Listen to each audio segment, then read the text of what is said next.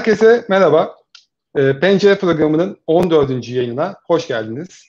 E, bugün e, inan, e, sevgili inan aramızda yok. Yıllık izin sebebiyle e, böyle bir programlık aramızdan ayrıldı. E, fakat Pencere ekibinin 3 e, kişi olmasının getirdiği avantajla biz gördüğünüz gibi yayınlarımıza hiç ara vermeden, yaz kış demeden devam ediyoruz. E, 6 ayı devirdiğimiz bu yolculukta da bizimle beraber olduğunuz için tekrar çok teşekkür ediyoruz. Tabii inanın boşluğunu doldurmak kolay olmadı ama e, bugün e, gerçekten çok değerli bir konuğumuz var. O yüzden e, bugün e, çok keyifli, çok güzel ve yine her zamanki gibi penceremizi böyle çok güzel bir sohbete açmayı hedefliyoruz. E, konumuz iş hayatında hikayeleştirmenin önemi ve e, bu konuda da e, konuşabileceğimiz belki de e, en değerli, en e, doğru kişiyi seçtiğimizi düşünüyoruz. Sevgili Cenk Caner bizimle. Hoş geldin Cenk. Hoş bulduk. Ya estağfurullah ne demek öncelikle.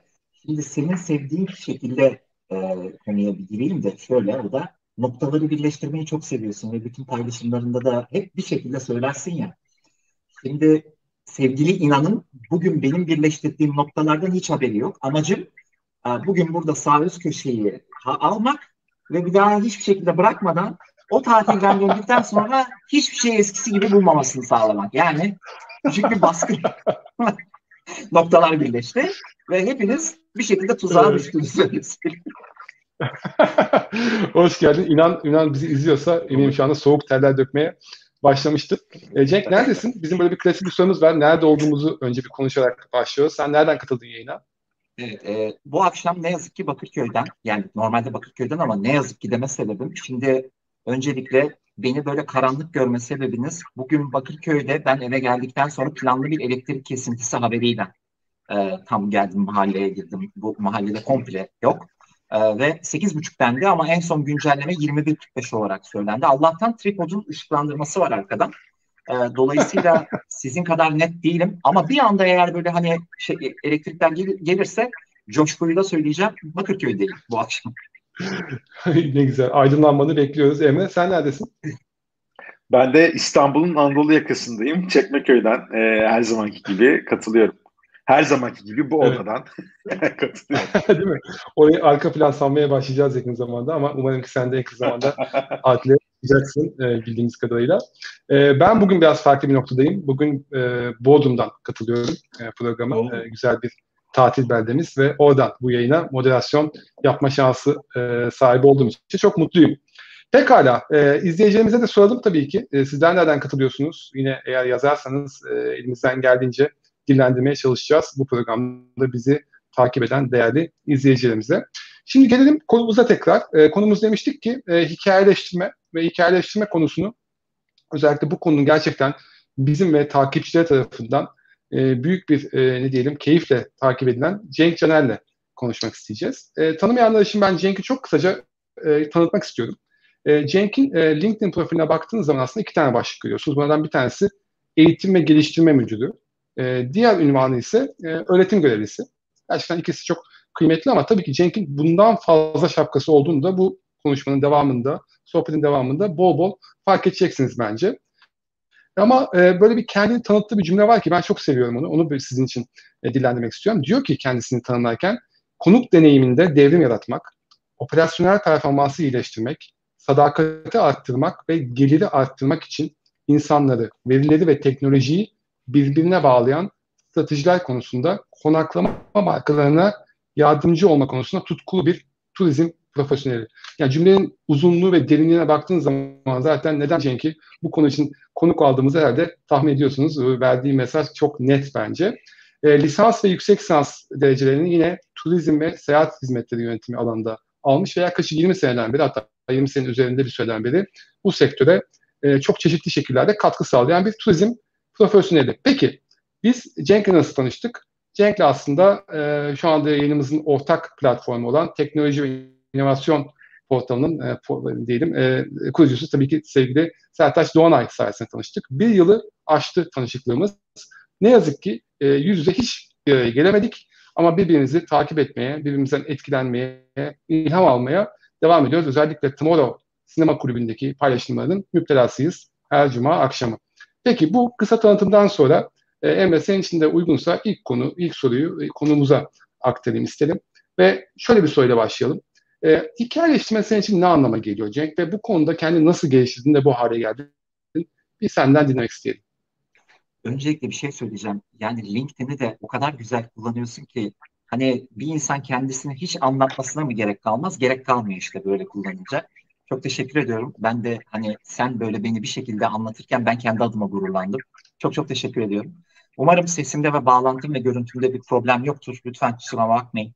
Ee, biraz panikle aslında bu yayına katıldım. Yani böyle olmayacağını düşünerek. Ee, ilk sorunla başlayalım. Ee, hikayeleştirmenin tanımı yani tabii ki herkesin kendisine göre yapabileceği bir şeydir. Aslında nereden çıktığının da burada bir e, önemi olduğunu düşünüyorum ama belki süreç bizi hafiften oraya doğru götürür. Bence e, karşındaki kişiyi e, bir olay örgüsü ve bunu bu olay örgüsünün içinde bir kişi, bir anlatıcı, bir e, çal, e, daha doğrusu bir kahraman yerleştirerek ki her zaman da gerçek olacak diye de bir şey yok, zorunluluğu yok. Anlatmak istediğim bir konuyu anlamlandırarak onu kısa süreli bir yolculuğa çıkarma bence deneyimi. Yani en kendime göre anlatabileceğim en iyi şey bu. Çünkü aynı o kahramandaki gibi e, onun yolculuğu yani başlarken ve biterkenki yolculuğu son derece önemliyken filmlerde, hikayelerde eğer doğru bir hikaye doğru bir şekilde kurgulanıp karşı tarafa anlatılırsa anlat şey dinleyici tarafında da aslında 5 dakika 10 dakika karşısına çıktığı an çıktığın andan itibaren o aldığın kişi bıraktığın kişiyle aynı olmaması gerekiyor. Karşı, e, onda eğer bir veya iki konuyu akılında tetikleyip bir de üstüne e, metodoloji demeyeceğim ama teknik bilgi de işin içine yerleştirebiliyorsan ve merak uyandırıyorsan hadi bir de üzerine bir de bonus koyup da ya ben bunu bu anlatıcı anlattı ama ben buna bir kafa patlatmak istiyorum. Dediği noktada işte bence hikayeleştirmenin tanımı otomatikman gelmiş oluyor. Zaten kalite, yani mesela şimdi benim arkamda film var. Hani ben benim hani tutkumun bu olduğunu herkes biliyor ama mesela sinemada da bu şöyledir yani bunun açılımı. Ee, şimdi kaliteli filmin de herkese göre bir şeyi vardır. Göreceli bir kavramdır çünkü bu. Mesela Esaretin Bedeli ilk çıktığında e, eleştirmenler beğenmemişti o filmi. Sonrasında video kasete çıktıktan sonra popülaritesi e, arttı o filmin. Ama işte oraya gelip yani izledikten sonra eve gelip ben bu filmi düşünmek istiyorum dediğin anda o film artık senin için kalitelidir. İşte hikayede tam olarak böyle olduğunu düşünüyorum. Ee, diğer sorun yani ikinci sorunla alakalı hani bu sende nasıl gelişti? Öncelikle bu bir e, yani bu kısmını dinlemek istemezsiniz. Burada bir aşk hikayesi var işin içinde. 18 yaşından başlayan bir hikaye. Hiç orayı söylemeyeceğim şimdi. E, dolayısıyla onu başka bir yayında anlatıyor oluruz. Onun adı da e, Romantik e, Kırık Kalpler Kulübü olur. E, 18 yaşındayken yani sizler de 90'larda büyümüş bir nesilsiniz bunu biliyorum. E, e, dolayısıyla o dönemler radyoda şarkı isteme e, son derece popüler bir şeydi. Çünkü müziğe ulaşmak da haliyle maliyetliydi biliyorsunuz. E, bir gün bölgesel bir radyonun canlı yayına katılma şansım oldu. Üniversiteyi kazandığım yıldı bu ama e, oraya bağlanma sebebim de tamamen aslında e, bir, bir, bir amaç doğrultusundaydı. Biraz önceki söylediğim bir hikaye ama onu anlatmayacağım şimdi. E, o yayın sırasında ben bir istek parçası istedim. Bu istek parçasını e, işte e, radyo program yapımcısı aldıktan sonra yayına çıkarttı. Ben heyecanlıyım. E, sonra istek parçanızı çalacağız. Yayından ayrılmayın. Şey program yapımcımız sizinle görüşmek istiyor dedi. 18 yaşındayım. Allah Allah dedik ne alaka. Ve şey yayın yani onlar yayına devam ederken ben arka planda program yapımcısıyla konuştum. Dedi ki sesin radyoda çok net geliyor. Radyoda program yapmak ister misin dedi. Şimdi bu, bu o kadar büyük bir lütuf ki. Yani hele ki 18 yaşındaki birisi için radyoda program yapmak. Para kazanma diye bir şey yok. Verdiği tek şey popülarite. Ve ben radyoda program yapmaya başladım. Yani önce sabah 7 ile 10 arası gazete okuyarak e, sabah bugün sabah programlarında da genelde gazete okunur ya. Gazete okuyarak bölgesel bir radyoydu. Sonrasında e, akşam 5 e, 5'e çektiler. Orada da sinema programı yapmaya başladım. Daha 18 yaşındayken. Bunu niye anlattım? Şundan dolayı şimdi o yaşta o pratiklik, o anlatım, e, hakimiyet ben fark etmeden bir şekilde yerleşmeye başladı. Dolayısıyla sorduğun sorunun e, dolaylı yanıtına buradan gelmeye çalışıyorum. Bir de şöyle bir durum vardı tabii. Çok fazla görsel e, araçları e, çocukluğumda seyrettiğimde e, şimdi mesela pazar sabahları pazar konseri istemeden de olsa seyretmek o dönem bir yatırım olduğunu yıllar sonra fark ettim. Aynı radyoda yaptığım o programdaki yatırım gibi. Ya da işte bir Barış Manço'yu dinleyerek büyümek ya da bir Kayağan'ı dinleyerek büyümekle büyük yatırımlar yapmışım. Bunu sonradan fark ettim. Ee, sonradan fark ettiğim ve bu hikaye anlatmasında, hikaye anlatıcılığında da çok yani halen bir üstüne çalışıyorum gerçi bunun ama e, çok değerli olduğuna inandığım üç tane kritik hocam vardı. E, bu hocalardan e, lise hayatında felsefe hocam, e, ortaokulda geometri hocam e, ve şeyde de yine lisede İngilizce hocası. E, bak çok farklı dersler. E, bir şekilde anlattıkları aklımda kaldı. Sonradan ben bunu fark ettim yıllar sonra. Neden ben bunlarda çok keyif aldım? Keyif almamın tek sebebi üç hoca, üç farklı dersi çok keyifli anlatıyorlardı. Yani felsefe hocası bildiğin hikaye anlatarak Hegel anlatıyordu. Şimdi bunlar böyle geldi geldi geldi 30'lardan sonra bir şekilde böyle karşıma böyle eğitimle ilgili fırsatlar çıkınca dedim ki ben nasıl böyle bir hitabete kavuştum acaba? Yani ben hani bunu biliyorum çünkü hani hoşuma da gidiyor konuşmak. Ee, sonra bir gün düşündüm ve bu senin de o sevdiğin noktalarla işte bunları birleştirdiğinde bunların hepsi aslında birer yatırılmış hiç fark etmeden. Ee, dolayısıyla sorunun yanıtı şimdilik böyle olsun. Harika. Sen söylemeseydin zaten ben de tam oradan bağlayacaktım. Noktaları birleştirerek başladın diyecektim. Ee, çok da güzel oldu. Gerçekten e, olduğumuz zamandan geriye dönüp baktığımız zaman o noktaları fark edebiliyoruz. Senin de dediğin gibi ne de iyi olmuş. E, peki gelin bir de bu işin öbür tarafına bakalım. Şimdi sen aslında bir ana şapkan bu turizm profesyoneli. Seni tanıtırken evet. birazcık ondan da der vurdum. E, evet. Peki biraz kariyerde konuşacağımız için bugün bol bol hani iş hayatında hikayeleştirmelerini konuşacağız. O yüzden biraz biraz iş hayatına dönelim istiyorum. E, bir turizm profesyoneli olarak iş hayatında hikayeleştirmeden nasıl faydalanıyorsun? Bizimle biraz bunu paylaşabilir misin? Şöyle 96 yılında turizme girdim. E, girdiğim gibi de ön büro departmanında başlamıştım ben. Yani bugün resepsiyonu gördüğünüz e, resepsiyonda ben çalışıyordum.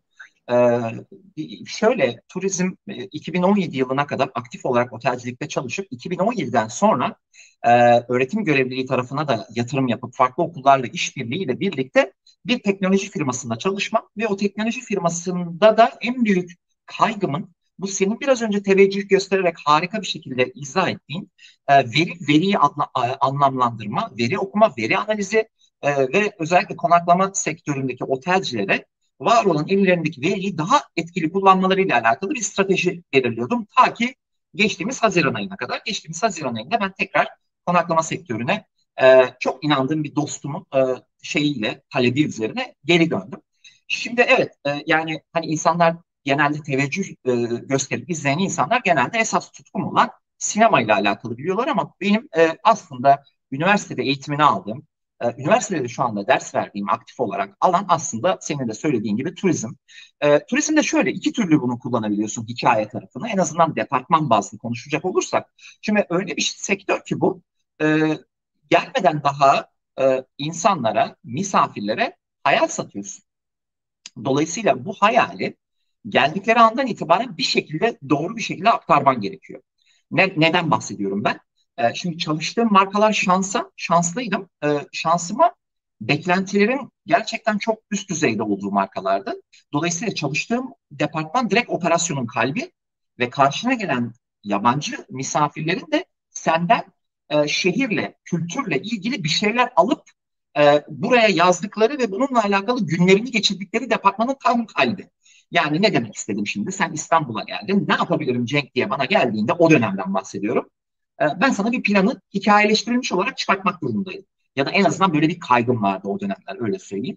Ee, e bu ne beraberinde şunu getirdi. Yani eğer Topkapı Sarayı'nı tavsiye edeceksen bununla alakalı e, insanların da hoşuna gidebileceği anekdotlardan bahsetmek mesela. E, dolayısıyla bu hikayeleştirme o alanda 20'li yaşlarımda diyeyim ben yani gençken e, o alanda misafirlerin çok işine yaradı. Sonra ne oldu bu? Sonra e, yazılım firmasına beraber yani yazılım sektörüne girmemle birlikte otellere bu sefer CRM tarafında o karmaşık veri dünyasını çalışanlara anlatmam gerekti. Benim avantajım neydi? Ben onların yanı, yani onların içinden çıkmıştım. E, dolayısıyla sektörün içinden gelmiş. Onların çocuğuydum yani öyle söyleyeyim. Dolayısıyla bir e, karmaşık bir dünyayı yani veri dünyasını onlara anlatırken mecburen hikayeleştirmek zorunda kaldım. E, bu bir mecburiyetti bunu yaparken. İşte örnekleri filmlerden vermeye çalıştım. İşte bak şu şekilde mektuplar şöyle yazılırsa şöyle etki eder. Bu beraberinde şunu getirdi. E, işte e, otellerin direktörleri veya yöneticileri dediler ki ya sen bize anlattığın gibi bizim ekiplere de anlatsana. Oradan bir iş modeline döndü bu. Otellere eğitim modeline döndü. Sonra e, okullarda ders vermeyle devam etti. Şimdi e, ki yani şu an içinde bulunduğum organizasyon da da e, bizzati aslında e, tam olarak bunu yapmam gereken bir bölüm aslında. Nedir o da işte e, çalışanlara kendi yetkinlikleriyle ilgili ya da elimizdeki var olan verilerle alakalı aslında doğru eğitim içerikleriyle eğitimler e, dizayn etmek. E, burada da hikayeleştirmenin önemi çok e, çok büyük. E, bu her sektörde çok büyük. E, özellikle hani sevgili Emre Başkan'ın da daha henüz e, şeyi mikrofonlarımızı arı stüdyolarına çevirmedik ama diyelim. e, şimdi onun savaşını verdiği o VUCA dünyasını anlatmaya çalıştığı bu dünyada aslında e, işte pazarlama 4.0 yaşadığımız bu dünyada bu kadar bilgi karmaşası, bilgi bombardımanının olduğu bu dünyada e, hangi doğru bilgiyi nasıl karşı tarafa vereceksin? Nasıl akılda kalacaksın? Burada da işte bu kavram çok ama çok değerli olduğuna inanıyorum hikayeleştirmenin. Süper. Aslında tam da Emre'ye pas verme zamanına evet. gelmiştik. Sen de Bilerek nazik yaptım. bir şekilde e, o pası zaten hemen aktardın. Şimdi evet e, biraz Cenk de böyle bir nefeslensin, e, bir su içme şansı da bulsun. E, şöyle bir emeğe dönelim. E, çünkü benzer tabii ki e, bir soruyu ona da aktaracağım ama e, buradaki amacımız penceremizi, penceremizi biraz daha açmak tabii ki. Şimdi biraz e, Cenk'in penceresinden denedik. Şimdi biraz da Emre'nin penceresine dönmek istiyorum. Hakikaten iş hayatında hikayeleştirmenin önemini birazcık da onun sözleriyle, onun bakış açısıyla duymak istedim. Emre sence iş hayatında hikayeleştirme neden önemli? Ee, öncelikle teşekkür ediyorum. Ee, özellikle Cenk'e bizi kırmayıp geldiği için çok sevdiğimiz, yakından takip ettiğimiz bir arkadaşımız. Bizi şereflendirdin Cenk. Çok teşekkürler. Ee, Sinan sana da teş- e, soru için teşekkür ediyorum. Yani şöyle söyleyeyim. Bence işin özü şurada. Ben bir hikayeleştirme uzmanı olmasam da hikaye hepimizin hayatında olan bir konu. Onu e, kullanmayı bildiğimizde biraz daha farklı avantajlar elde edebiliyoruz. Kendimizi geliştirmemiz için güzel bir alan olduğunu inanıyorum. Ne demek istiyorum? Neden önemli? Çünkü az şeyde çok şey anlatabilmemizi sağlıyor. E, algı dostu olması nedeniyle de aslında karşı tarafın bunun aklında tutmasını da kolaylaştırıyor. Yani mesajı alan, iletişimde mesajı alan kişinin onun e, algılayabilmesi ve aklında tutabilmesi de önem arz ettiği için bence güzel bir e, araç, bir yöntem. E, neden algı dostu? Neden karşıdaki kişi daha kolay bunu algılıyor? Çünkü beynimiz bütünsel yaklaşımlarda yani hem rasyonel hem de duygusal beynin ön planda tutulduğu mesajlarda daha aktif öğrenme e, sürecine giriyor. Bu bizim modern eğitim süreçlerinde de e, e, önemsediğimiz bir konudur. Bir örnek vereyim. E, önce Sinan sonra Cenk salona girdi. Mesela burada e, bir e, şey var, veri sırası var, bir zaman sıralaması var, bir aksiyon var. İki tane özne ve onların ortaya koyduğu bir eylemden bahsediyoruz. Buna karşılık tek bir kelime birçok şeyi kökten değiştirebiliyor. Örnek vereyim. Önce Sinan sonra Cenk salona girdi. Heyecanlılardı. Yani duyguya hitap eden bir kelime aslında bir anda algıyı açıyor. Acaba neden heyecanlılardı? Daha bütünsel düşünmeye başlıyoruz. Beynimiz canlanmaya başlıyor. Orada Hemingway'in bu e, çok ünlü altı kelimelik hikayesi vardır. E, bilenlerimiz olduğunu düşünüyorum. E, for sale, baby shoes, never worn. Satılık, bebek ayakkabıları hiç giyilmemiş. Yani tabii böyle biraz şey e, düz ayak çevirme, çevirme yaptım ama e, direkt beyni canlandıran ve gözlüklüğünden çok daha derine götüren e, bir anlatımdan bahsediyoruz. Burada samimiyet ve içtenlik de giriyor ben, bana sorarsan. Sadece verilerle karşımızdaki kişiyi boğmaktan çok o insani duyguları da ortaya çıkaran bir yaklaşım ortaya çıkıyor. Ve bu e, yaklaşım yani hikayeleştirme aslında bilginin e, karşımızdaki kişinin e, zihninde tutulmasını kolaylaştırıyor, akılda kalıcılığı arttırıyor. Hatta e, kendimize yani böyle teknikler var. Benim zamanımda çok böyle e, ortaya çıkmaya başlamıştı. Mesela işte Marmara bölgesindeki gölleri bir hikaye üzerinden anlamaya çalışıyorsun, öğrenmeye çalışıyorsun. Beynindeki oradaki storage süreci çok daha farklı ve etkili işliyor. Bunu ben şeye benzetiyorum. E, mesela bir örümcek ağını düşün. Bir örümcek gidip bir duvar köşesine, bir işte odanın köşe duvarına e, iki, e, üç noktadan e, işte bağlantı kuracak şekilde bir ağ döşedi diyelim. E, veya işte 4-5 noktadan e, bağ e, noktadan destek alacak şekilde bir ağ döşedi diyelim.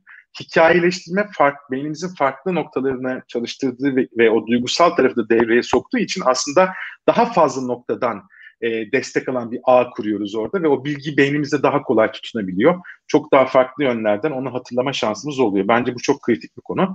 Bu tarafta da işte Aristo'nun retorik üçgeni var çok klasik. E, etos, patos, logos üzerinden gider. E, bu gibi yöntemlere hakim olmak aslında anlatmak istediğimiz şeyi karşımızdaki kişiyi ikna etme yeteneğimizi aynen biraz önce Cenk'in de bahsettiği gibi e, bir hayal anlatıyorsanız, bir vaatte bulunuyorsunuz. Bunları biraz daha somutlaştırmamıza ve kolay aktarmam, aktarmamıza yardımcı olur. Son olarak da şeyden bahsedeyim. Harekete geçirici yönü var tabii ki. Yani karşı taraf daha kolay algıladığı için bununla ilgili de geçenlerde LinkedIn'de paylaşım yapmıştım. E, Bezos'un 2000 yıllarda koyduğu kural Amazon'da e, PowerPoint sunumu olmayacak özellikle müşteri memnuniyetiyle ilgili süreçlerde. Örnek veriyorum işte Emre'ye bir paket gidecekti. O pakette işte lojistik sürecinde problem çıktı. Bu bir sunumdaki balıtken, bir maddeyken e, şöyle bir şey istiyor. Yaklaşık 6 sayfalık e, bunları memo halinde, e, yazı halinde paylaşılmasını istiyor Bezos. Neden? Çünkü o zaman olay şöyle aktarılıyor ve bunun hikayeleştirilerek aktarılmasını istiyor. E, Emre işte örnek veriyorum, e, işte çocuk ilk defa işte çocuğunun birinci yıl yaş dönümü için e, hediyeler almıştı. İşte birinci yıl e, posterleri vesaire stickerları. E, bunun için heyecanlıydı. Çocuğuna hediyeler aldı vesaire. İlk burada hikaye, hikaye aslında şunu şey yapıyor. Emre ilk defa baba oldu ve çocuğunun doğum günü için özeniyor. Ama ne oldu? Biz lojistik, lojistikte problem yaşadık ve Emre büyük bir hayal kırıklığına uğradı. Şimdi bu çok daha farklı şekilde içselleştirmemize neden oluyor ve orada empati çalışıyor. Yani biz orada olsaydık ve bu biraz daha harekete geçirici unsuru da e, devreye sokuyor. Bu maddeler, bu e, konular bence e, hikayeleştirmenin önemini, e, yatsınamayacak önemini e, ortaya koyan e, noktalar. En azından senin de vurguladığın gibi benim penceremden böyle gözüküyor konu. Harika. Şimdi, ha, buyur Cenk. Şimdi o kadar güzel anlattı ki e, aklıma bir şey geldi. Yani bunun hemen mesela sağlamasını yapalım. E, ve yani hani ya, biraz önce dedin ya beyinde çok fazla, fazla kısımları evet. çalıştırıyor diye. Şimdi evet. İsviçreli bilim adamları bunu da araştırmışlar. Yani her şeyi araştırdıkları gibi. Şimdi iki kavram konusunda mesela hani bir kavram, şimdi ben onu o kavramın ne olduğu şimdi aklıma geldi onu anlatacağım. Ee, bir kavramı normal tek şey olarak, metodolojik olarak anlatmışlar karşı tarafa. Ee, aynı kavramı aynı gruba bu sefer hikayeleştirerek anlatmışlar. Ee, ilk yani ilk anlatılan kavram karşısında beyinlerindeki iki korteksin çalıştığı ortaya çıkmış. Ee, ikinci hikayeleştirilen tarafta ise 8'den farklı kısım beyinde aktif olarak çalışmış. Şimdi bakın bunu sağlamasını yapalım. Hepiniz Titanic'i seyrettiniz değil mi? Herkes seyretti Titanic'i. Şimdi Titanic finalinde bir tane sahne var. Herkes biliyor. Yani Titanic batıyor ya. Titanic'in finalinde ne oldu? Jack bir tane tahtaya tutundu. Çıkmaya çalıştıkça tahta battı. Rose üstte kaldı. Bir türlü Rose'un yanına çıkamadı değil mi? O da hani e, işte, işte Jack'e yalvardı. Hadi come back Jack, come back Jack falan bunları dedi değil mi? Sonra ne oldu finale doğru? Jack garibim yavaş yavaş okyanusun dibine doğru gitti. Şimdi bu tahtayı kavram olarak anlattığımızı düşünelim. Yani şimdi ben nasıl anlatacağım onu bilmiyorum ama bir de hikayeleştirelim. Yani biz şimdi hikaye tarafına şey yapalım.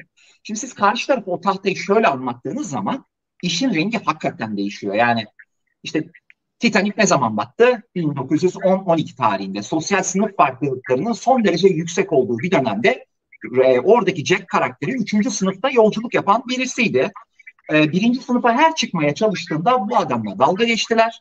Hatta Rose'lan e, o papyonu takım elbiseyi giyip de restorana çıktığı sahnede masanın o yuvarlak masadaki herkes dalga geçerken Rose onun yanındaydı. Bak anlamlandırmayı yapıyorsun. Finale doğru geldiğimizde o tahta parçasının halbuki o restoranın ana kapısından bir parça olduğunu biliyorsun. Bu bu arada gerçek. James Cameron tarafından teyit edilmiş bir şey. Ve aslında orada verilen tahta mesajı Jack'in üçüncü sınıf bir yolcu olduğundan dolayı orada tahta parçasının üstüne eğer çıkarsa birinci sınıfa doğru çıkmaya çalışacak. Halbuki Jack'in haddini bilmesi gerekiyor. Jack üçüncü sınıftı. Jack'in yeri neredeydi? Gemide de zaten eksi üç katındaydı. E, finalde Jack'in yeri nerede?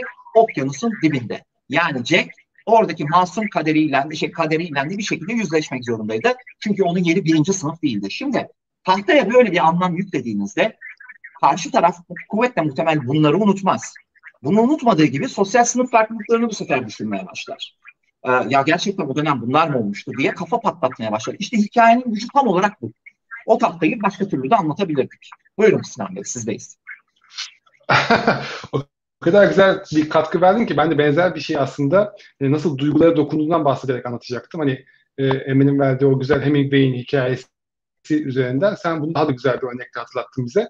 Gerçekten de duygulara dokunduğu zaman sanıyorum hikayeler akılda kalıcı oluyor ve hakikaten fark yaratıyor, unutulmuyor. O anlamda anlattığın güzel anekdot için de çok çok teşekkürler Cenk. Şimdi buradan aslında ben biraz böyle bir yine kariyerle ilgili yine bir ikinci sorum var. Biraz daha derinleştirmek adına, birazcık da kişiselleştirmek adına. Yani hem Emre hem de Cenk yine sana soracağım ama önce Emre'yle başlayacağım.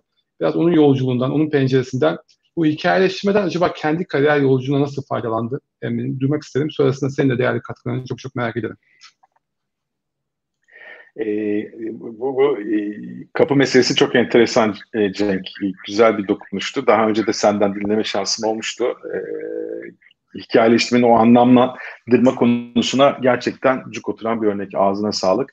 E, Sinan senin soruna şöyle cevap verelim. Kariyerimde belki bir geliştirmem gereken bir noktaydı. E, kurumsal firmada çalışırken yani gidip de bir sunum yaparken vesaire bunu anlatırken son kariyerimin son taraflarında yıllarında kurumsalda bunu kullanıyordum e, aslına bakarsan ama biraz daha hızlı gidebilirmişim diye düşünüyorum. Çünkü e, kariyerimin masanın bu tarafına geçtiğim zamanından sonra aslına bakarsan e, çok faydalandığımı görmeye başladım. Ve buna emek vererek bunu e, bu yeteneğimde, yetenek demeyeyim de kaslarımı geliştirebildiğimi görmeye başladım.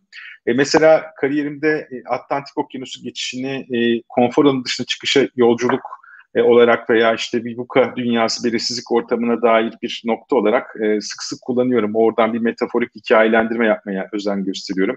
Kaldı ki e, Azor markası da aslında bakarsan e, yine bu hikayeleştirme üzerinden kurguladığımız bir şeydi. Azor'un Türkçe'de bir manası yok. E, kurucusu olduğum firmanın. E, ama e, nesi var? İşte şöyle Doğu Atlantik'te e, bir ada grubu ve benim konfor alanı dışında çıkışımda aslında e, tanıştığım bir değer.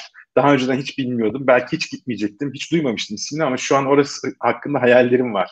Bu işte o yolculuğun e, getirisi olarak e, vurguladığımız bir konu. E, konuşmalarımda, kurumlarda veya işte e, farklı ortamlarda yaptığım konuşmalarımda özellikle kısa konuşmalarda doğru örnekleri, anlamlandırmaları seçerek akılda kalıcı o örümcek ağ gibi o bilgiyi merkeze koyup çok fazla noktadan aslında bağlantıyla zihinlerde kalıcı hale getirmeye çalışıyorum. Bir de bence günümüzün zorlu kısımlarından biri yazılar. Yani işte bir makale yazıyoruz, bir uzun bir yazı yazıyoruz vesaire. O noktada e, bunun tüketilmesi e, söz konusu olabiliyor. Akılda kalıcı olabilmesi için vurucu örneklerle e, girmek e, önem arz ediyor gibime geliyor. E, 2018 yılında Harvard Business Review Türkiye'de ilk yazdığım makalemde mesela böyle bir konuyla girmiştim. Hep böyle hayattan örnekler veya anlamlandırabileceğimiz metaforik örnekler üzerinde kafa yormaya çalışıyorum ki e, biraz akılda kalıcü olsun. E, o beni de heyecanlandırıyor. Biraz daha odaklanmama yardımcı oluyor. E, kariyerimde yani özellikle bu e, danışmanlık veya işte öğretim görevlisi tarafında çok sık kullandığım bir yöntem olmaya başladı. Dediğim gibi keşke daha önceden kullansaymışım. Ama kariyer de bir yana bence hayatın her tarafında işliyor. Ee, özellikle mesela işte oğlum 5 yaşında e, ona bir şey yap yapma demek e, çok saçma. Ona bir hikaye üzerinden anlatmak, onun kafasını anlamlandırmasını, onun odaklanıp hem duygularıyla hem rasyonel tarafıyla bunu değerlendirmesine sunmak aslında daha etkili olabiliyor. E, hepinizin e, çocuğu var. E, Sinan e, senin de, e, Cenk senin de ne demek istediğini çok iyi anlıyorsunuz diye düşünüyorum. Sadece kariyer olarak değil, hayatı da kayıta katıyor diye düşünüyorum. E, onu da vurgulamadan geçmek istemedim. Yok sağ olun. Gerçekten de e, biz bunu biraz daha iş hayatı diye düşündük ama tabii ki hikayeleştirme her anlamda çok çok kıymetli. Bu konuda bakalım Cenk neler söyleyecek bize e, benzer bir soruyla e, ondan da dinlemek dinlemek isteriz. Haberim var. İkiniz de kalem ve kağıdı elinize alın şimdi. Çünkü size aynı zamanda böyle bir lokasyon tavsiyesi veriyorum. Dikkatli olalım şimdi. Buraya dikkat. 1940'larda hmm. Fransa'nın kırsalında Bordeaux, Fransa güneyinin kırsalında Bordeaux'a yakın bir yerde e, şimdi dedi, dediğim yeri biliyor olabilirsiniz ama hani bu yanıyla bilmiyor olabilirsiniz. Dört tane çocuk top oynarlarken böyle büyük böyle kökleri olan bir ağacın köşesinde bir delik görüyorlar. Sonra o delik e, gelip adam şeyler e, bilim adamları bir geliyorlar ki e, 20 bin yıllık bir mağaranın keşfi oluyor. Mağaranın adı Laskav. Nasıl yazılıyor? Lüleburgaz, Adana, e, Ceyhan, Adana, Urfa, X. Tamam Laskav mağaraları. Bunun özelliği ne? Laskav mağaralarındaki e, şeyler, e, duvardaki o e, genel ki genel e, resimler, e, bizon av, şeylerin, o avcı toplayıcı toplumların o dönemki e, hayvanları nasıl avladıklarını anlattıkları resimler ve en eski resimler. Tabii hemen turist olarak açılıyor bu yer. E, ama yaklaşık bir sanıyorum 10 ya da 15 elektrikler geldi bu arada. 10 ya da 15 yıl içinde e, şey oluyor. Siz söyleyin kapatmak zorunda kalıyorlar mağarayı. Niye? Çünkü e, insanlar mağaraya ziyaret ettiklerinde ağızlarından çıkan bu e, nefes e, şeylere, resimlere zarar vermeye başlıyor. Aynı o Ayasofya'nın o ikinci katındaki o, e, galeri bölümündeki o e, ünlü diyesiz şeylerinde olduğu gibi işte. Neyse. Ve kapatıyorlar burayı. 25 yıl süren bir çalışmayla Lascaux mağaralarının 200 metre ilerisine birebir replikasını yapıyorlar. Tamam Replika yani işte turist olarak gittiğinizde ne yapıyorsunuz? Orayı geziyorsunuz. Öbür tarafı gezemiyorsunuz. Öbür tarafı kimler geziyor biliyorsunuz? Biliyor musunuz? Ee, sadece özel izni almış olan insanlar.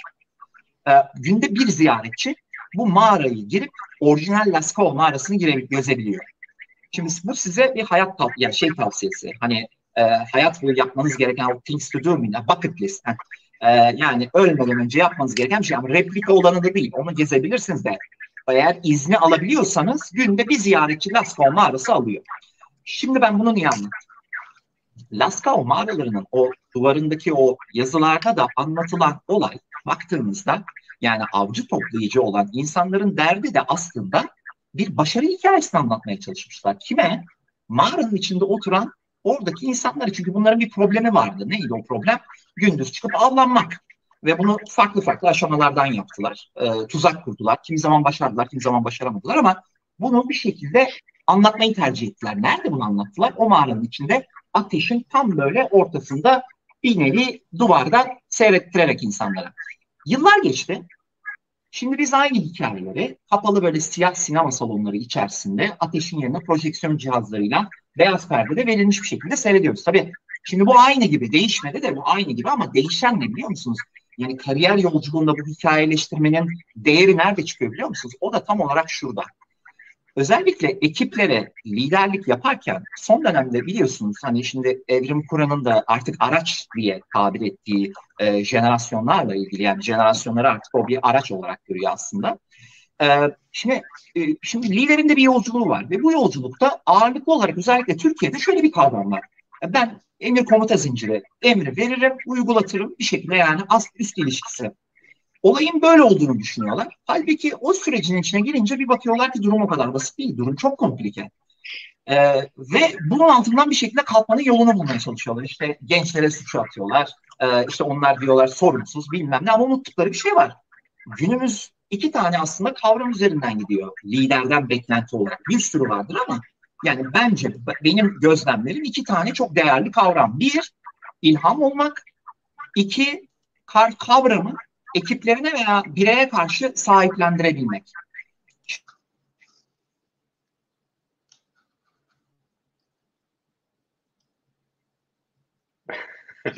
şey, ikinciyi söylerken Güzel. böyle bir geldi. Tamam geldi. Evet. Devam edebiliriz. Pardon. Ee, ne demiştim? Yani günümüzde iki, iki kavram demiştim. Kesinlikle geldi de ondan.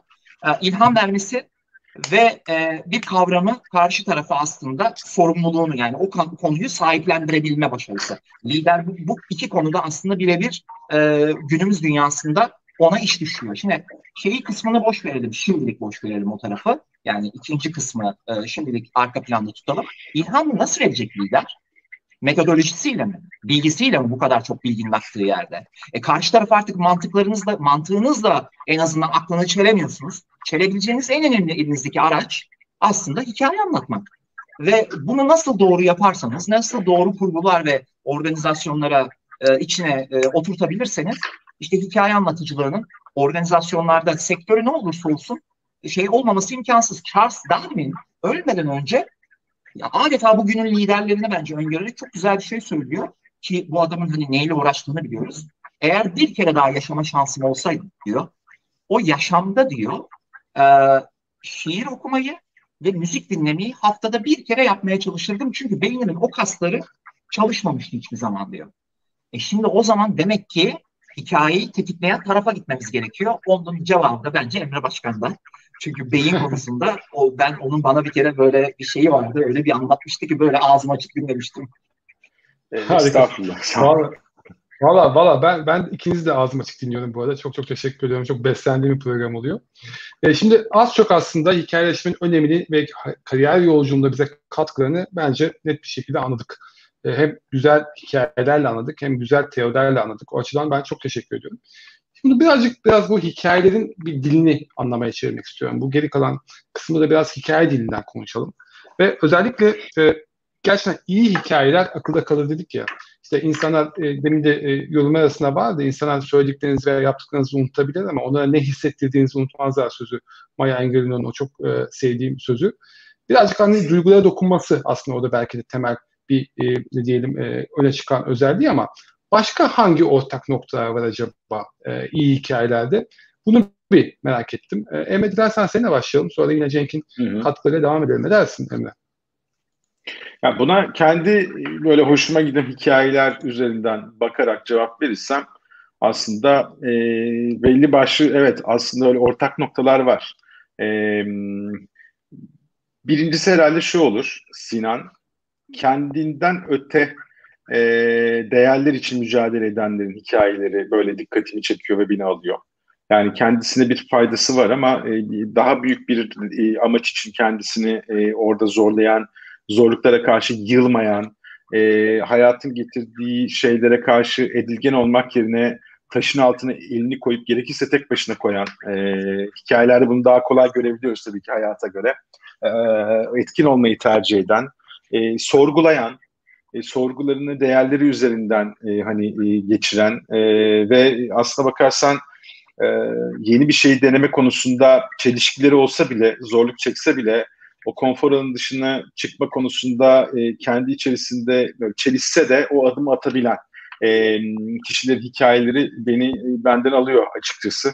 E, ve tabii ki bu hikayelerde de şey var. E, kendi karakterinle de ilgili olabilir bilemiyorum. E, bağ kurulan yani tek kişilik hikayeler değil de biraz daha geniş hikayeler oradaki e, belki bir lider olabilir, bir takım olabilir veya bir grup olabilir ama bu tarz şeyler e, beni etkileyen hikayelerin ortak noktaları olabilir diyebilirim. E, Birçok kişide de benzer noktalar vardır diye tahmin ediyorum ama e, e, Emre'nin penceresinden konu böyle. Kısa ve öz. Harika. Harika. Çok net. E, Cenk sen ne dersin? Bunun kültürle birebir ilişkisi var. Yani e, hani doğup büyüdüğümüz kültürle alakalı. Yani bir Dede Korkut'u e, dinleyerek büyüyen nesil, Nasrettin Hoca'yı dinleyerek büyüyen nesil e, ya da işte Romeo Juliet'i e, dinleyerek büyüyen nesil. E, bunun kültürlerle yani kültürün, kültürün kendi içindeki dinamik ve kaygılarla birebir ilgisi olduğunu düşünüyorum ama ağırlığında hikaye ben, benim şahsi fikrim kesinlikle evrensel.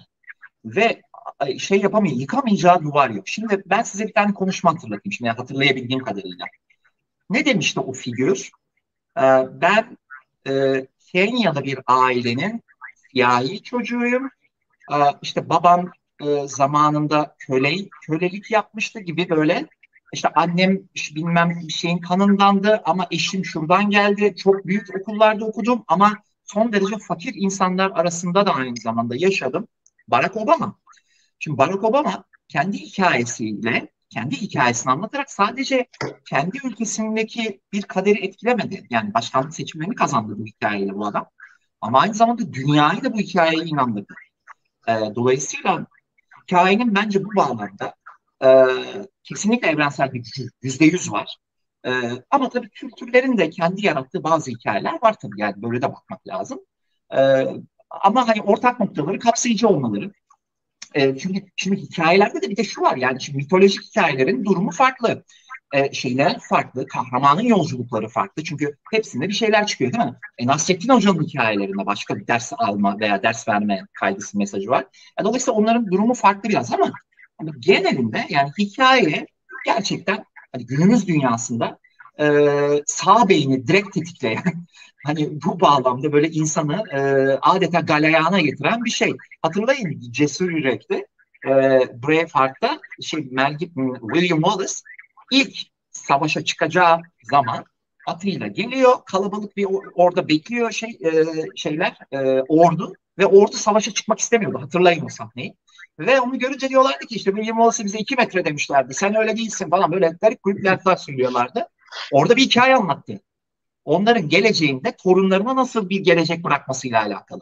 Ve hepsi sonrasında neler olduğunu biliyoruz yani. Tabii Hadi bu hikaye de zaten hani tarihi kaynaklara göre sonra zaten şey oldu ama ne yazık ki doğru olmadığı çıktı ama hani film öncesinde baktığımızda etkiledi yani sonuç ihtimalle. Hadi o değil bizi de etkiledi. Dört yıl film seansta kalmıştı şeyde. Vizyonda kalmıştı biliyorsunuz. Evet, süpersin. Gerçekten de hani ben de e, biraz böyle sizlerden dinlerken hakikaten bir yandan not alıyorum. Bir yandan böyle kendim de böyle kafam o kadar çok şey geliyor ki ama bir yandan da sizden zor çalmak da istemiyorum moderatör olarak ama Böyle bir iki tane de benim aklıma şu geldi. Yani bu özellikle bu soru özelinde. Ee, benim gördüğüm ortak noktalar gerçekten de bana dokunan, yani duygularıma dokunan mutlaka hikayeler e, olması gerekli. Bir tanesi de böyle bir kişisellik sanki değil mi? Biraz böyle kişisel konular olduğu zaman, yani o kişiyi anlatan kişinin kendi hayatından bir hikaye olduğunu hissettiğiniz zaman e, o zaman daha inandırıcı ve daha etkileyici oluyor. Anekdotlar içermesi veya işte atıyorum e, biraz daha duygulara dokunması. Mesela benim eğitimlerde kullandığım bir örnektir e, duygulara katar derken neden bahsediyorum? Mesela bir, bir, bir ARGE mühendisini düşünün. E, çok güzel bir fikri var ve o fikri bir şekilde üst yönetime satması gerekiyor. Hani şöyle bir cümle kurduğu zaman hani bu ürünü elime aldığım zaman hissettiğim duyguyu en son çocuğumu ilk doğduğu gün elime aldığım zaman hissetmiştim dediği zaman karşı tarafa verdiği his gerçekten çok farklı olabilir. Yani bunu bir şekilde e, belki de hayata geçirmek lazım. O benim çok sevdiğim bir örnek. Veya işte anekdotlar kullanırken işte belki Elon Musk gibi uzaya roket göndermiyoruz ama elimizdeki ürün de bizim için hakikaten çığır açan bir ürün dediğiniz zaman yine bu da e, karşı tarafa verdiğiniz mesaj anlamında kendi ürününüzü neyle aslında eşdeğer gördüğünüzü anlattığınız e, anlamda gerçekten karşı tarafa çok daha farklı bir e, hikaye, çok daha farklı bir duygu aktarıyor diye düşünüyorum ama e, sizin söylediklerinizin altına hakikaten imza atarım. Desteklemek isterim e, müsaadenle. O da şu, tabii. Pixar'ın yaratıcılarından, e, yani Pixar'ın önemli yöneticisi aynı zamanda yaratıcılarından, aynı bu senin söylediğinle ilgili şöyle bir şey var mesela çok güzel bir lafı var. Ben de mesela anlatırken o tekniği çok kullanırım. Hani bu da belki dinleyenler için böyle küçük bir şey anekdot olsun. Şimdi diyor ki bir tane karakteriniz, bir kahramanınız olsun hikayeyi anlatırken. Yani bunu tabii Pixar özelinde konuşacak olursak e, animasyonu resmederken bu karakteri yan ögelerle devamlı besleyin. Yani protagonist yani hikayeyi başındaki o kişi olduğu yerde kalmalı sabit. Onun önünden gidiyorsun sen o hikayeye. Yan ögelerle bunu zenginleştiriyorsun. Mesela Kayıp Balık Nemo. Ee, ya da işte neydi Madagaskar. Penguenler hatırlayın. Şimdi ana karakterler var. Ama bir de penguenlerin nasıl zenginlik kattığını hatırlayın şimdi değil mi? Ee, dolayısıyla mesela ben hikaye anlatırken Mesela bunu çok yapıyorum. Nasıl yani? Mesela bu hafta Cuma akşamı da mesela anlatacağım hikayede bunu yapacağım. Şunu yapıyorum mesela bir kavramı direkt olarak anlatmaktan ziyade o kavram nereye temas etmişse yıl, mekan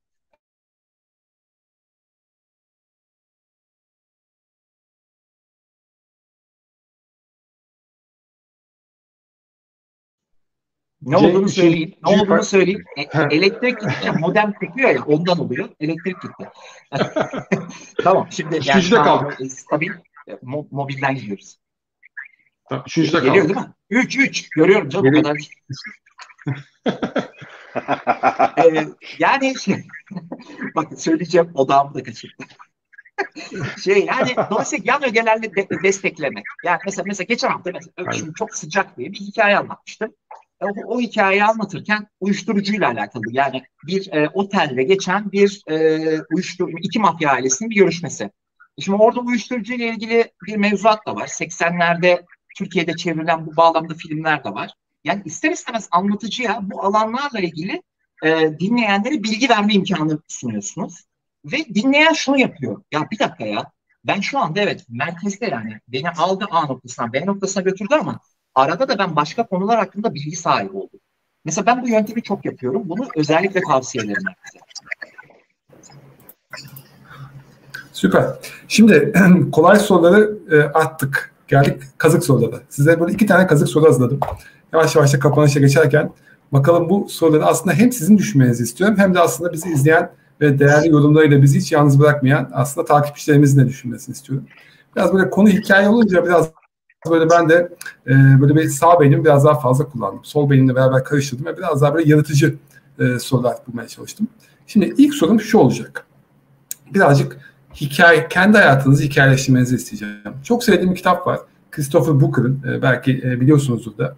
Bu e, Seven Basic Plots diye bir kitabı. Aslında bütün hikayelerin temelde 7 tane ana temadan e, beslendiğini söyler. Bunların içerisinde işte canavarı yenmek var, fakirlikten zenginliğe yolculuk var, seyahat edip geri dönmek var. Bütün işte Star Wars'undan tutun da senin söylediğin gibi Esaretin Bedeli, Cinderella, bütün bu Hollywood veya işte bizim işte Yeşilçam filmlerine baktığın zaman temelde bu işte arayış, komedi, trajedi ve yeniden doğuşla beraber yediye varan ana temadan beslendiğini söyler. Şimdi ben birazcık kendi tutmanızı isteyeceğim ve kendi kariyerinizi bir hikayeye dönüştürmenizi isteyeceğim. Ve bu bir hikaye olsaydı acaba bu hikayenin adı, teması ve ana duygusu ne olurdu diye böyle biraz düşünmenizi ve kendi kariyer yolculuğunuzun e, hikayesini bizimle paylaşmanızı isteyeceğim. Bakalım neler çıkacak. Dediğim gibi lütfen e, bizi izleyen sevgili e, takipçilerimiz de düşünüyor olsunlar. Eğer yazarlarsa ben de elimden geldiğince onları ekrana yansıtmaya çalışayım. Kim başlamak ister? Hazırım ama ben e, sevgili Emre Başkan'a söz atıyorum. E, Cenk, bence sen yürü ben düşüneyim. ama bir şey diyeceğim bak ben öyle bir şey geldi ki aklıma şimdi. Dolayısıyla evet. sonra şunu deme sakın. Ya şimdi sen böyle dedin ama ben de hani çıtayı yükselttin. Ben baskı altına düştüm deme sonra bak. Onu baştan söyleyeyim. Ee, Çünkü niye biliyor Sen rahat ol ya. Nedenini söylüyorum. müzik bile buldum yani. Müziği de söyleyeceğim. Hani o müzik soundtrack'ini de buldum kafamdan. O yüzden. Ee, Hadi sen de izle. Sen yürü. Başla şimdi, başla. Bak şimdi e, Emre Hocam bak senin e, o önemli hani e, o ön, çok önemli o okyanus yolculuğunu e, tüm detaylarıyla böyle farklı farklı kaynaklardan şirketinin web sitesinden tut da e, TED konuşmandan her yerden e, okumuş, e, izlemiş birisi olarak söylüyorum. Bu söylediğim müziğin sana çok yakıştığına inanıyorum. Ve yayından sonra lütfen bu müziği e, benim için dinle. Bu müzik e, 1492 Cennetin Keşfi vardı. E, şeyi um, Christoph Kolomb'u anlatan filmde. Um, Gerard Depardieu oynuyordu. Şimdi izleyenler bilirler. Vangelis e, bir soundtrack yaptı. Bizim klasik bildiğimiz bir tane şey var. E, la la la la la la la. Bunu söylemiyorum. Benim söylediğim o albümde bir tane müzik var. Ama bu dünyadan değil bu müzik. E, bu müzikte bence senin e, o hikayene yani oraya yelken açma yolculuğuna çok yetişiyor. E, bunu dinle ama bunu şu an için ben kendi hikayem için ben kullanıyorum. Müziğin, ya o şarkının ismi, o müziğin ismi yaklaşık iki buçuk dakika sürüyor. E, West Across the Ocean Sea. E, yani okyanusun batı tarafı gibi çevirebilirsiniz. Bu arada bak elektrik geldi. Saniyelik kopacak şaşırmayın. Çünkü modeme bağlanacağız. E, elektrik geldi gene. Şimdi kopabilir her Sen koparsan evet. emme devam eder. ederim ederim tabii. E, West, e, West, e, acro, West Across the Ocean Sea. Şeyin, hmm. skorun ismi bu. Bunu mutlaka dinliyorsun. Ne demek istediğimi anlayacaksın. Benim hikayemin adı şu olurdu. Önce sebebini anlatayım. Kariyerinde radyo DJ'liği yapmış. Resepsiyonistlik geçmiş. Oradan sonra kalkmış veri tarafına girip kodlama öğrenmeye çalışmış ve bununla ilgili e, otelcilere veya daha doğrusu turizm sektörü çalışanlarına bir şey anlatmaya çalışmış. Sonra girmiş aktif olarak halen de devam eden üniversite yolculuğu olmuş. Ve tekrar konaklama sektörünün eğitimin tam göbeğinin içine e, girmiş ve bundan sonra da neler olacağını bilmiyorum. Bu bana neyi hatırlatıyor biliyor musunuz? Ben biliyorsunuz geçmişimden beslenen birisiyim. Bu hikayenin adı aynen şöyle olurdu. Hisseli Harikalar Kumpanyası. Başka. Çok iyi. Harikasın. Ya işte ikimiz de böyle yakalarım. Aynı kültürü böyle. Direkt böyle yakalandılar. Harika. ee, evet Emre. Valla güzelmiş. E, notumu aldım. E, dinleyeceğim. Cenk. Teşekkür ederim. E, yani. Bu arada yani hep böyle şey yapıyor muhabbeti geçiyor. Tabii ki Okyanus tek başıma geçmedi. Buradan Ekber ve Gül'ünde de selamlar olsun. Ee, hep beraber gerçekleşiriz. Hatta benim onlara katıldığım bir yolculuktu. Ee, ama e, küçük e, tavsiyenin için de teşekkür ediyorum. Ben nasıl bir şey olur yani arada zamanı kullanıp düşününce aklıma şu geldi. Genel, genelde e, sormaya özen göster, gösterdiğim bir soru. Herhalde e, adı neden olmasın olurdu neden olmasın olurdu. ee, burada umut, işte azim, problemler, mücadele her şey var. Öyle düşünün. Ee, yani umut var, e, kendince bir azim var. Zorluklarla karşılaştığı zaman mücadele var. Yani herkesin aslında kendince yaşadığı problemler oluyor. Kendi problemi kendine büyük geliyor. Benim de e, keza öyle ben de insanım. E, hikayenin özelliğine tabii çok fazla giremiyorum burada ama e, o zor zamanlardan değerler doğrultusunda beraberce o de işte e, nasıl diyeyim etrafından aldığı enerjiyle beraber e, çıktığı bir yolculukla ilgili olurdu herhalde ve e, sonu gelmez diye düşünüyorum. Durmadan peşi sıra ikinci, üçüncü, üçüncü, dördüncüsü gelir diye düşünüyorum. E, nedense benim zihnimde böyle bir şey canlandı. Ama sonunda her filmde herhalde huzur ve yeni bir merakla biter diye tahmin ediyorum e, yine Cenk'in e, güzel anlatımının gölgesinde şöyle bir e, kısa öz bir paylaşım olsun. Harikasın Vallahi harika. Evet. Valla ama soru, soru sanıyorum kazık çünkü yani şimdi ben sürekli e, takip takip ediyorum yorumları. Yaz, sizden başka yazan da olmadı onu söyleyeyim. Ama yarın e, bu programın e, postunu yaparken bu soruları ben yazacağım. Çünkü bir tane soru buydu. İkinci sorum Belki biraz daha kazık olabilir bilmiyorum. Belki daha kolay olabilir. Artık o sizin taktiğiniz. Ama kapanış soru. Yani bununla beraber programı da kapatacağız. Bu sefer e, birazcık aslında kendi işinize dönmenizi isteyeceğim. Sorum şu. Eğer iyi bir hikayenin elinizde olsaydı senaristi mi, yönetmeni mi yoksa başrol oyuncusu olmayı mı tercih ederdiniz ve bunu acaba neden tercih ederdiniz diye merak ediyorum. E, bunu da yine e, ortaya bırakayım sevgili Emre ve Cenk. Yine dileyen başlayabilir ama belki bu sefer Emre başlar diye düşündüm. E, son sözde Cenk'e Emre Hocam'a veriyorum Lütfen. Estağfurullah. Yani ben hemen girebilirim burada. Ee, yazmayla alakalı olduğu için ben senaristi olurdum ve senaryoda da her zaman umuda dair bir ışık bırakırdım. Ee, o tarafa yani mail etmeyi e, hani destekleyecek bir şey e, yaratabilmek için. Ee, ben senarist olmak isterdim açıkçası. Yani o şartları zorlayan durmadan neden olmasın, biraz önceki soruyu neden olmasın sorusuyla aslında akışı e, şekillendirmeye çalışan tarafta olmak isterdim. Ama bir şey daha söyleyeceğim Sinan. Bu soruları yazıyorum. Günün bir gelecek ben de moderatör olacağım. O zaman görüşeceğiz tabii. güzel. güzel. Evet, evet. Ne güzel, ne güzel. Evet, ben de merakla bekleyeceğim senin güzel sorularını. Ve Cenk, söz sende. Yani ben de çok güzel e, pas geldi. Çünkü ben de yönetmen diyecektim. E, sebebi de şuydu. E, tamam ilk zamanlar kabul ediyorum. Yani ben üniversite sınavında e, tamamen sinemayı seçmiştim ama işte optik okuyucu sırasıyla kazanamadı, kazanamadı, kazanamadı. Bizde önce seçiyordunuz ya. E, gele gele turizmi seçti falan. E, o dönemler evet böyle kamera önünde olmak isterdim. E, ama sonrasında işin böyle mantığının nasıl döndüğünü de böyle böyle okuyup da anlayınca direkt yönetmen dedim. Sebebi de şuydu. E, şimdi yönetmenin öyle bir olayı çevirebilme imkanı var ki kötü bir senaryo bile önüne gelse muazzam bir teknikle o işi tamamen kendi lehine çevirebilir. Bir tane kurguyu kalkıp Scorsese'nin eline verirsiniz.